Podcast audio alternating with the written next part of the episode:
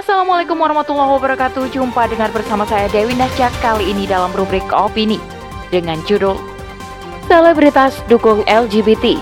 Fakta bobroknya sekularisasi oleh Hesti Andria. Penerimaan terhadap kaum LGBT sejatinya tak lepas dari agenda moderasi beragama sebagai perluasan paham sekuler dan liberalisme. Sebagai umat muslim, kita harus paham bahaya laten sekularisasi syariat Islam yang menggaungkan kebebasan individu. Selengkapnya, tetap di podcast Narasi Pos Media. Narasi Pos, cerdas dalam literasi media, bijak menangkap peristiwa kunci. Induk negara sekuler Amerika Serikat adalah negara pertama yang memberi ruang bahkan payung hukum bagi kaum gay dan homoseksual. Dimulai dari organisasi Society for Human Rights yang diinisiasi oleh Harry Hay pada tahun 1924 di Chicago. Kelompok ini menuntut penerimaan sosial dan dukungan untuk komunitas LGBT. Sejak saat itu, kampanye masif tentang hak kaum LGBT semakin digencarkan berbagai dukungan dari organisasi dan selebritas berpengaruh turut andil dalam penyebar luasan gerakan ini.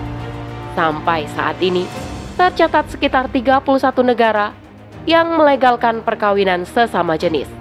Kampanye pun tak lagi disampaikan secara sembunyi-sembunyi. Di berbagai platform media sosial, komunitas ini terang-terangan menunjukkan keberadaannya. Dilansir dari situs Wikipedia, Film tentang gay pertama kali diproduksi Hollywood di tahun 1895 berjudul Dixon Experimental Sound Film. Seabad kemudian, Disney, salah satu perusahaan film terkenal, mulai menyisipkan karakter-karakter gay di film anak-anak buatannya. Sampai tahun 2021, tercatat 13 karakter tokoh gay muncul di berbagai film kartun produksi Disney. Sebuah upaya untuk mencuci otak generasi muda sejak dini. Selain mewaspadai kampanye masif komunitas hiburan negara Paman Sam, belakangan muncul momok baru web drama dan web komik yang berasal dari Korea Selatan, Jepang, dan Thailand. Genre drama BL atau Boys Love, NGL atau Girls Love makin mudah dijumpai dan menjadi tren di kalangan milenial. Bagaimana dengan Indonesia? Propaganda global yang dilakukan secara kontinu juga menargetkan Indonesia sebagai salah satu negara dengan komunitas muslim terbesar. Kampanye menarik simpati yang sukses menyedot perhatian dunia juga digencarkan di sini dengan menempatkan pelaku penyimpangan seksual sebagai korban yang harus dikasihani karena pengucilan dan diskriminasi publik. Media yang berpihak juga aktif memberitakan kasus diskriminasi orientasi seksual. Mereka dengan gigih berusaha mendapatkan pengakuan ingin dianggap normal oleh masyarakat.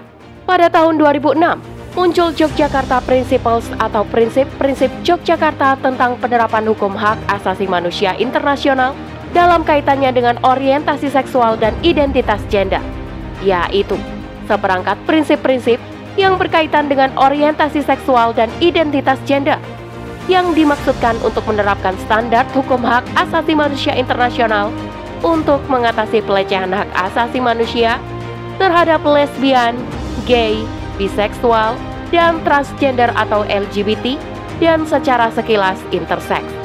Konferensi ini diadakan di kampus Universitas Gajah Mada, Yogyakarta. Terbaru, selebritas dengan inisial DC menuai hujatan khalayak umum akibat nekat mengundang pasangan gay dalam siaran podcastnya. Alih-alih memberi edukasi, konten podcast DC malah terkesan memberi ruang promosi dan penerimaan terhadap kaum Sodom ini. DC seperti menjilat ludah sendiri, berpaling dari jargon yang diciptakannya sendiri, yakni Don't Make Stupid People Famous. Meskipun akhirnya siaran tersebut di take down, namun kejadian test the water ini bisa jadi titik awal kemunculan kembali kaum ini di ruang publik. Karena merasa dimaklumi dan diberi panggung. Penerimaan terhadap kaum LGBT sejatinya tak lepas dari agenda moderasi beragama sebagai perluasan paham sekuler dan liberalisme. Sebagai umat muslim, kita harus paham bahaya laten sekularisasi syariat Islam yang menggaungkan kebebasan individu, mencampur adukan yang hak dengan yang batil, menjalankan ketaatan beriringan dengan kemaksiatan. Firman Allah Subhanahu wa taala dalam surah Al-Baqarah ayat 42 menyatakan, "Dan janganlah kamu mencampur adukan yang hak dengan yang batil, dan janganlah kamu sembunyikan yang hak itu sedangkan kamu mengetahui."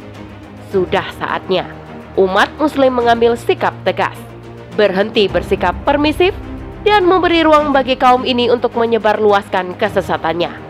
Sikap terang-terangan yang ditunjukkan kaum ini jelas menyatakan bahwa mereka tidak ambil pusing dengan syariat. Tidak ambil pusing dengan hukum-hukum syarak yang sejatinya melindungi manusia dari perbuatan maksiat yang bisa membawa dalam kebinasaan. Jika peran negara tumpul, maka tugas kitalah untuk merapatkan barisan, menjaga generasi bangsa dari propaganda perilaku seks menyimpang, praktek yang berpotensi berbahaya, bagi kelangsungan peradaban manusia sekaligus sumber kedurhakaan terhadap larangan Allah Subhanahu wa taala. Untuk itu, umat butuh senjata, butuh institusi besar yang akan menaungi, melindungi, dan membela umat dari serangan maksiat politik global. Dengan menerapkan ideologi Islam di seluruh aspek kehidupan, umat pasti mampu berdiri tegak, mandiri, dan beramar ma'ruf nahi mungkar. Wallahu a'lam bishawab. Demikian rubrik opini kali ini. Sampai bertemu di rubrik opini selanjutnya. Saya Dewi Nasyak undur diri. Afumikum. Wassalamualaikum warahmatullahi wabarakatuh.